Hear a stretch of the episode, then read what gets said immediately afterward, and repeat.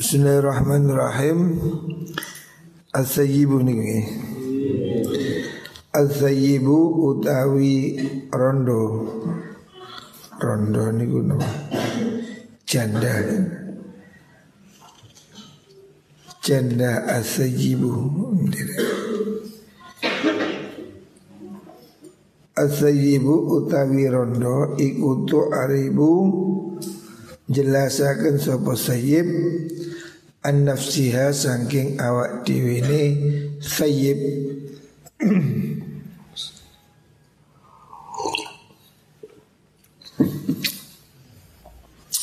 Wal bikru utai perawan gadis iku ridhoha utai ridhoni sayyib. Ah, bikr iku sumtuha menengi al bikru. Rasulullah Shallallahu Alaihi Wasallam memberikan aturan ya tata cara menikah antara gadis dan janda itu beda. Kalau janda orang yang sudah pernah menikah ya. Orang yang sudah pernah menikah, sudah pengalaman Ini dia sudah lebih dewasa Makanya dia bisa menjelaskan kemauannya ya. Tu'aribu an-nafsiha Artinya janda tidak boleh dinikahkan kalau dia tidak memberi izin. Jadi janda itu lebih berhak kepada nasib dirinya dan hak untuk memilih calon suami. Sementara wal bikru ridhoha sumtuha. Kalau anak gadis perawan itu cukup diem ya, karena biasanya masih pemalu. Artinya kalau gadis ini ditanyai, kamu mau ah menikah? Saya nikahkan sama itu Amar umpamanya. Kok orang itu diem ya berarti sudah oke okay, ya. Jadi nggak perlu kalau gadis itu ya ya oke okay, ya yes yang nggak usah. Itu gadis lainnya gadis sih biasanya malu makanya dia cukup diam. Diam berarti sudah dianggap setuju. Karena gadis ini masih malu-malu. Tapi kalau janda itu sudah pengalaman maka harus jelas mau nggak Mau bilang enggak harus bilang. Ini menurut Imam Syafi'i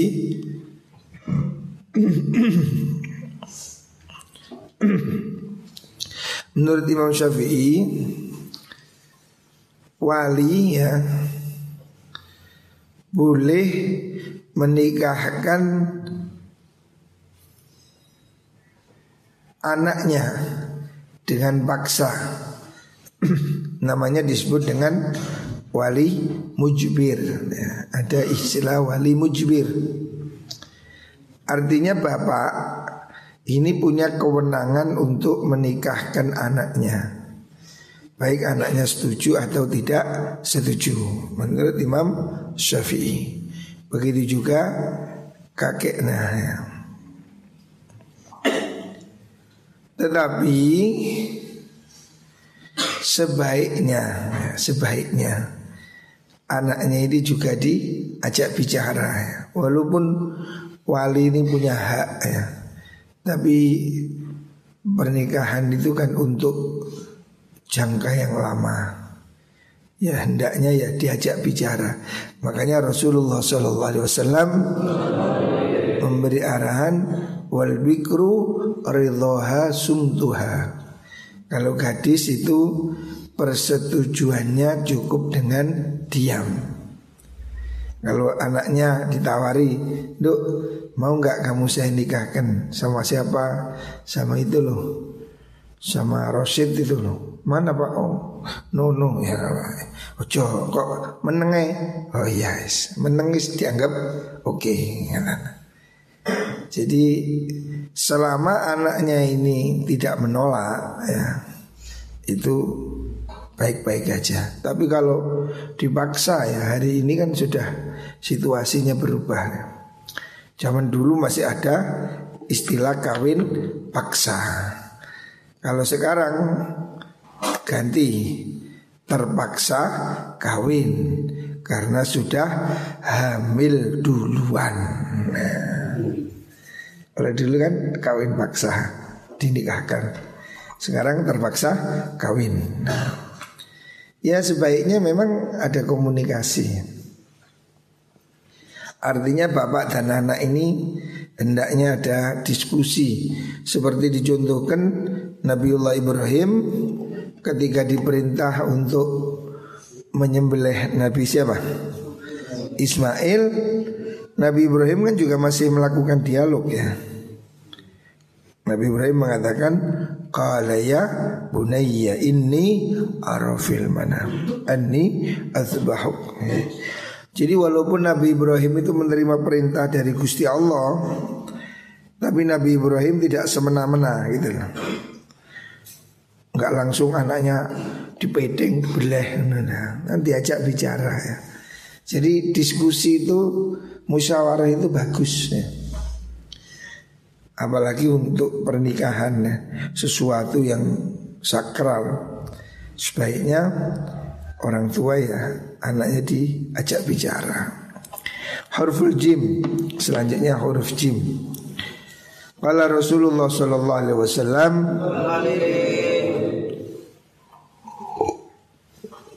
Ya al-haqqu wa zahaqal batil.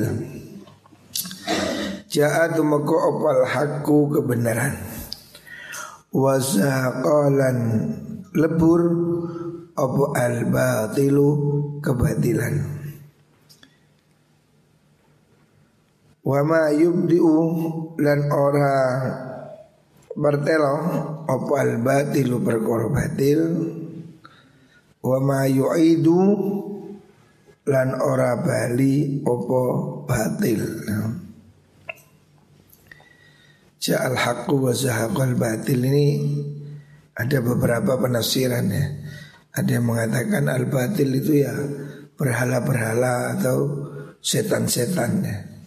Mereka ini kan akan hancur. Kebatilan pasti akan hancur.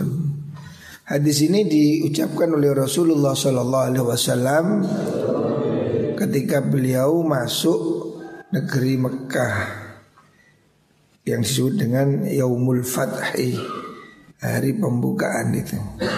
Di mana di situ di sekitar Ka'bah ada 360 berhala. Ya.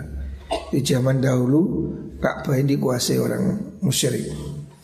Ada 360 berhala. Kemudian Nabi buang menyingkirkan itu semua sambil mengatakan ja'al haqqu wa zahaqal batil wa ma yubdiul batil wa ma. Artinya konteksnya seperti itu. Rawahul Bukhari wa Muslim wa Tirmidzi wa Nasa'i. Selanjutnya Rasulullah Shallallahu Alaihi Wasallam mengatakan jalisul kubara. Jalisu ngancanono lunggu sira hendaknya kamu bergaul ya.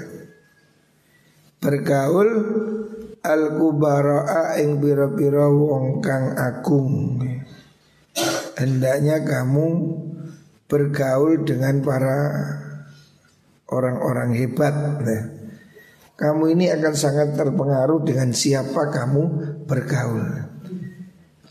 Lima tahun lagi kamu jadi apa, seperti apa, bisa dilihat dari siapa temanmu hari ini. Gitu. Terus carilah pergaulan yang hebat, ya. carilah teman yang baik. Jalisul kubara, jalisu ngancana lunggu sira al kubara ing pira-pira wong kang agung hendaknya kamu berteman masuk di majelis orang-orang yang hebat, orang yang tinggi ilmunya, akhlaknya. Ya. Kamu harus bisa bergaul dengan orang-orang yang lebih baik. Ya. Kalau kamu kepingin kaya, bertemanlah dengan orang kaya. Kalau kamu kepingin pinter, bertemanlah dengan orang pintar. Nek konjomu arek sing beling-beling, arek sing ngantuan, rokokan, ya ya seperti itulah kamu ya. Sebab makhluk hidup ini cenderung berteman dengan yang sejenis. Kucing ya berteman dengan kucing. Burung berteman dengan burung. Ya. Kaono tikus berkawan dengan kucing. Ini kan Tom and Jerry. Ya. Makhluk ini akan berkelompok sesuai dengan profesinya ya. Makelar ya konjoni makelar, santri konjoni santri, copet konjoni copet. Ya. Jadi kamu harus berhati-hati milih teman. Temanmu ini akan sangat mempengaruhi siapa kamu di masa yang akan datang. Makanya Rasulullah SAW memerintahkan jalisul kubara bertemanlah kau dengan orang-orang hebat ya. kalau kamu berteman orang hebat itu akan menularkan optimis semangat ya. Kita ini kalau ketemu orang-orang yang sukses dia pasti punya banyak apa ide-ide kreatif tapi lah ketemu bewong sing gagal di sini sambat. Waduh, masya Allah. Aduh, aduh, aduh dok. Ekonomi susah lah, kerjaan susah lah. Ini itu yang susah susah dok. Hidup tidak ada harapan. Di sini sambat. Nah. Tapi kalau kita bertemu dengan orang-orang sukses, dia masih ada optimisme, tidak mudah menyerah, walaupun situasi sulit orang-orang hebat ini masih mempunyai cara untuk bertahan. Nah.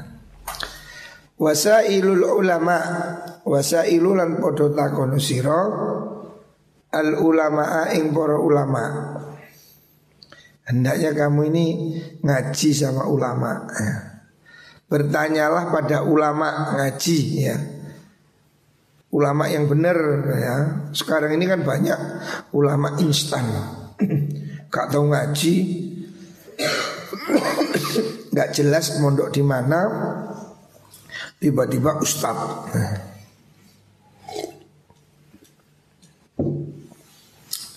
Banyak yang mendadak ngustad. Moro-moro jenggotan, padu ireng, ngustad. harus jelas ya. Kamu harus bertanya pada ulama yang ada kredibilitasnya. Dia itu sekolah di mana, ngaji di mana, ya harus jelas. Jangan asal orang bisa pidato ya. Carilah ulama yang al-amilin ya. Orang-orang yang konsekuen dengan ilmunya ya. Bertanya dengan sopan santun, dengan akhlak ya. Kamu harus mau bertanya Ngaji begini ini juga begitu. Harus silakan bertanya. Ya. Wa khalidul hukama Wa khalidulan nganjana nosiro Al hukama ing biro-biro ahli hikmah Bertemanlah dengan orang-orang bijak ya. Kita ini di dunia ini ada kelompok-kelompok ya teman kita ini ada positif, ada yang negatif. Orang-orang positif akan mendorong kita terus optimis. Ya. Kamu mau kepingin ngafal Quran, orang yang positif pasti mendorong. Oh itu bagus, itu hebat, itu baik. Ya. Tapi orang yang negatif ngembosi, ojo is, angel wis, ruwet wis, wah, gitu. Ini orang negatif ya. Hendaklah kamu bertemanlah dengan orang-orang yang positif Orang yang percaya pada potensimu bisa dikembangkan Semua orang ini punya potensi hebat ya. Kalau dikembangkan, kalau dia punya teman yang baik ya. Makanya saya minta berhati-hati pilih teman. Jangan teman anak yang malas. Bertemanlah dengan orang-orang yang bijak. Arwahut Tabrani. Selanjutnya Rasulullah Shallallahu Alaihi Wasallam bersabda jubilat al qulub ala hubbi man ahsan ilaiha jubilat dan wata akan dan wata nah itu maksudnya ya secara naluri tertarik. Opal kulubu pira-pira ati Ala hubbi man ingatasi demen ing wong. Ahsana kang gawe bagus Sopo man ilaiha maring al Wabuk diman lan sengit ing wong asa akan gawi Allah supaman alaiha ing atase al qulub Ini Nabi mengajarkan ya secara psikologi. Nabi ini hebat. 14 abad yang lalu ya. Nabi ini sudah bisa membaca teori-teori seperti ini Orang ini kata Rasulullah Sallallahu Alaihi Wasallam orang ini pasti seneng kalau di apa diberi kebaikan. Orang ini kalau mendapat kebaikan pasti dia akan menjadi senang. Tapi sebaliknya kalau dia dicurangi, diberi kejelekan, dia pasti semua ini masih kucing ya. Kucing di keimangan senang kucing dikepuk nyate. Ini secara umum demikian. Ya. Manusia ini senang dengan orang yang baik ya.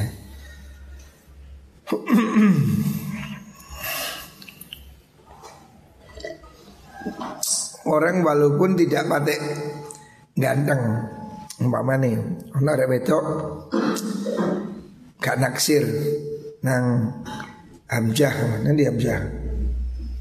No tapi lek bendino dikirimi coklat susu ya gelem. Nah, lama-lama karena diperhatikan ya jadi senang gitu. Orang yang asalnya benci ya terus setiap hari diberi sesuatu lama-lama ya senang ini watak manusia memang makanya ini dimanfaatkan oleh pilkada pilkada itu setiap calon bupati, calon kepala desa pasti bagi-bagi ya.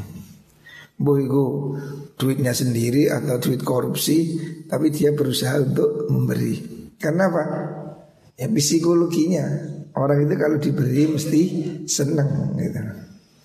Makanya demokrasi ini tidak cocok untuk orang miskin. Karena orang-orang miskin ini kadang tidak peduli, yang penting dikasih apa sesuatu, wani biro. Nah, di demokrasi bagi orang miskin ini ya akhirnya jual beli. Ya. Makanya hendaknya kita ini hati-hati ya.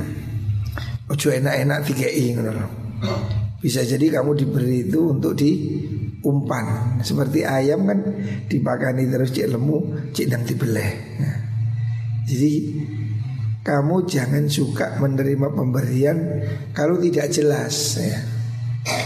Kalau tidak halal umpamanya. Jalilah harta atau pemberian yang betul-betul halal ya. Supaya barokah Rawahul Baihaqi an Ibnu Mas'ud Jadidu imanakum wa akfiru min qawli la ilaha illallah. Rahu Ahmad. Jadidu ngenyar-ngenyarono sira kabeh. Imanakum ing iman sira kabeh. Wa akfiru lan ngakeh-ngakeh no sira min qawli la ilaha illallah saking ucapakan la ilaha illallah. Jadi supaya hati kita selalu menjadi terisi ya iman ini. Iman ini kan bisa naik bisa turun. Nah, agar iman kita ini selalu naik ya. Supaya iman kita ini tidak drop hendaknya selalu diservis. Kata Rasulullah sallallahu alaihi wasallam jadidu imanakum. Hendaknya kamu perbarui kamu upgrade nah, kamu servis imanmu. Bagaimana caranya? Aksiru min qawli la ilaha illallah. Perbanyaklah zikir supaya jiwa kita ini tidak kosong. Nah, orang ini menjadi ngamuan, menjadi sentimen, menjadi hatinya penuh amarah, dendam karena pikirannya ini kosong. Imannya ngedrop. Nah, orang kalau imannya full, sehat, pasti senang barang baik ya. Kalau kita ini kok gak seneng dengan kebaikan Berarti imannya ini ngedrop. Nah, coro baterai ini bu Handphone apa? Low bed Baterai handphone ngedrop kan sulit lah Tidak ngomong ya angel. Sinyalnya gak, gak, gak nyambung Putus-putus. Iman juga begitu. Iman kita ini kalau ngedrop Berbuat baik berat. Nah Iman yang ngedrop ini benci pada kebaikan, tidak ngaji nesu, tidak jamaah ngamuk. Wah ini imannya ngedrop ini. Gimana supaya imannya iman supaya selalu grace supaya cereng. Jadi itu biqauli la ilaha illallah. Menurut istilah para orang-orang sufi ya, jadi itu artinya selalu dikuatkan. Jadi iman kita ini supaya terus meningkat ya. Setiap saat, setiap nafas hendaknya selalu diisi dengan ucapan la ilaha illallah. Ya, ini perbanyak ya. Sebab dengan semakin banyak kita mengucapkan La ilaha illallah Hati ini akan semakin bagus ya Iman semakin kuat Cahayanya semakin bersinar ya Keyakinannya juga bertambah Dan Allah akan membukakan mata hati kita ini ya. Makanya kita ya orang Islam ahlus sunnah wal jamaah Habis sholat ini minimal Baca zikir La ilaha illallah. Biasakan La ilaha illallah. La ilaha illallah. Bahkan orang-orang Torikoh Itu setiap hari baca wirid ini sampai 5 ribu 10 ribu. Kalau bisa minimal habis sholat 100 La ilaha illallah La ilaha illallah. Ini untuk servis iman ya. seratus seratus. Saya dapat ijazah dari uh, Syed Fadil Tariqah Qadiriyah ya itu setiap hari supaya baca la ilaha illallah baca sholat seratus kali. La ilaha illallah la ilaha illallah. Usahakan seratus kali. Kecuali kalau maghrib karena maghrib ini kan waktunya pendek. Kalau maghrib boleh sebelas kali. Tapi setiap hari ya harus ya terus menerus. Bahkan ada zikir yang tanpa hitungan. Sebagian orang-orang sufi itu hitungnya pakai nafas. Jadi pokoknya setiap tarik nafas Allah, Allah, Allah, Allah setiap nafas. Ya. Jadi berapa ya jutaan. Pokoknya setiap tarik nafas ingat Allah, Allah, Allah seperti itu atau la ilaha illallah menang-menang rek makanya bawa tasbih ya tasbih itu bagus ya orang bawa tasbih ini akan tergerak untuk wiritan ya. kelihatannya tasbih ini kan remeh Tapi orang pegang tasbih itu tiba-tiba tergerak wirid. Eh, nah, makanya saya menganjurkan kami ini punya tasbih. Belilah tasbih cilik lah murah, rongewu lima ewu. Tapi kamu ya lebih banyak pegang tasbih daripada ngerumpi, daripada ngedabrus ya, pegang tasbih. La ilaha illallah. Atau sallallahu alaihi wasallam hasbunallah ni'mal wakil. Basahi lisan kita dengan zikir. Terutama la ilaha illallah. La ilaha illallah harus ada di hati kita supaya hati kita ini terus jadi dingin ya. Hati ini supaya tidak banyak kedendaman, kebencian, permusuhan, hati yang ingin bertengkar itu karena kosong ya. Cahayanya kurang. Hati yang tidak ada cahayanya menjadi kepinginnya itu ngamuk ya, iri aja ya, nggak senang dengan kebaikan. Ini tanda hati ini sudah menipis. Kata Rasulullah Sallallahu Alaihi Wasallam, tanda iman itu ya al mu'minu man sarratuhu hasanatuhu wa sayyi'atuh. Orang itu tandanya imannya normal itu senang dengan kebaikan, menyesal berbuat kesalahan. Itu berarti imannya top chair. Jadi kalau kamu kok nggak jamaah, hatinya nyesel, ya Allah kenapa nggak jamaah? Nggak ngaji kamu nyesel, berarti imanmu hidup. Tapi kalau kamu nggak ngaji, hatimu malah seneng, melorot, kamu malah bangga. Lah ini imannya mencelek ya. Makanya perlu iman ini kita servis Perbanyaklah kalimat La ilaha illallah. Menang-menang. La ilaha illallah. Perbanyak ini. La ilaha illallah. Supaya yang terakhir yang penting maka na akhiru kalami la ilaha illallah dakhalal jannah. Siapa orang akhir hidupnya adalah ucapan la ilaha illallah dia masuk surga ya. makanya ini harus ditahan terus ya. la ilaha illallah harus selalu ada di hati. Menang-menang Allah Allah Allah Allah. La ilaha illallah La ilaha illallah. Atau Allah Allah. Tancapkan terus La ilaha illallah di hati. Muka-muka ini yang membuat kita husnul khatimah ya. Kita ini penting deh Mati membawa iman ini penting ya Semua orang hidup pasti akan mati Muka-muka ya Kalau ditakdir kita mati mati dengan membawa la ilaha illallah. Ini kita inginkan ya. Makanya kita mohon pada Allah semoga kita ini diingatkan dengan kalimat la ilaha illallah di akhir hayat ini. Penting ini. Ini sudah puncak kalau kita mati dengan la ilaha illallah dakhalal jannah kita dijamin masuk surga. Muka-muka kita semua diberi husnul khatimah. Muka-muka kalau kita dipanggil Allah teringat dengan la ilaha illallah.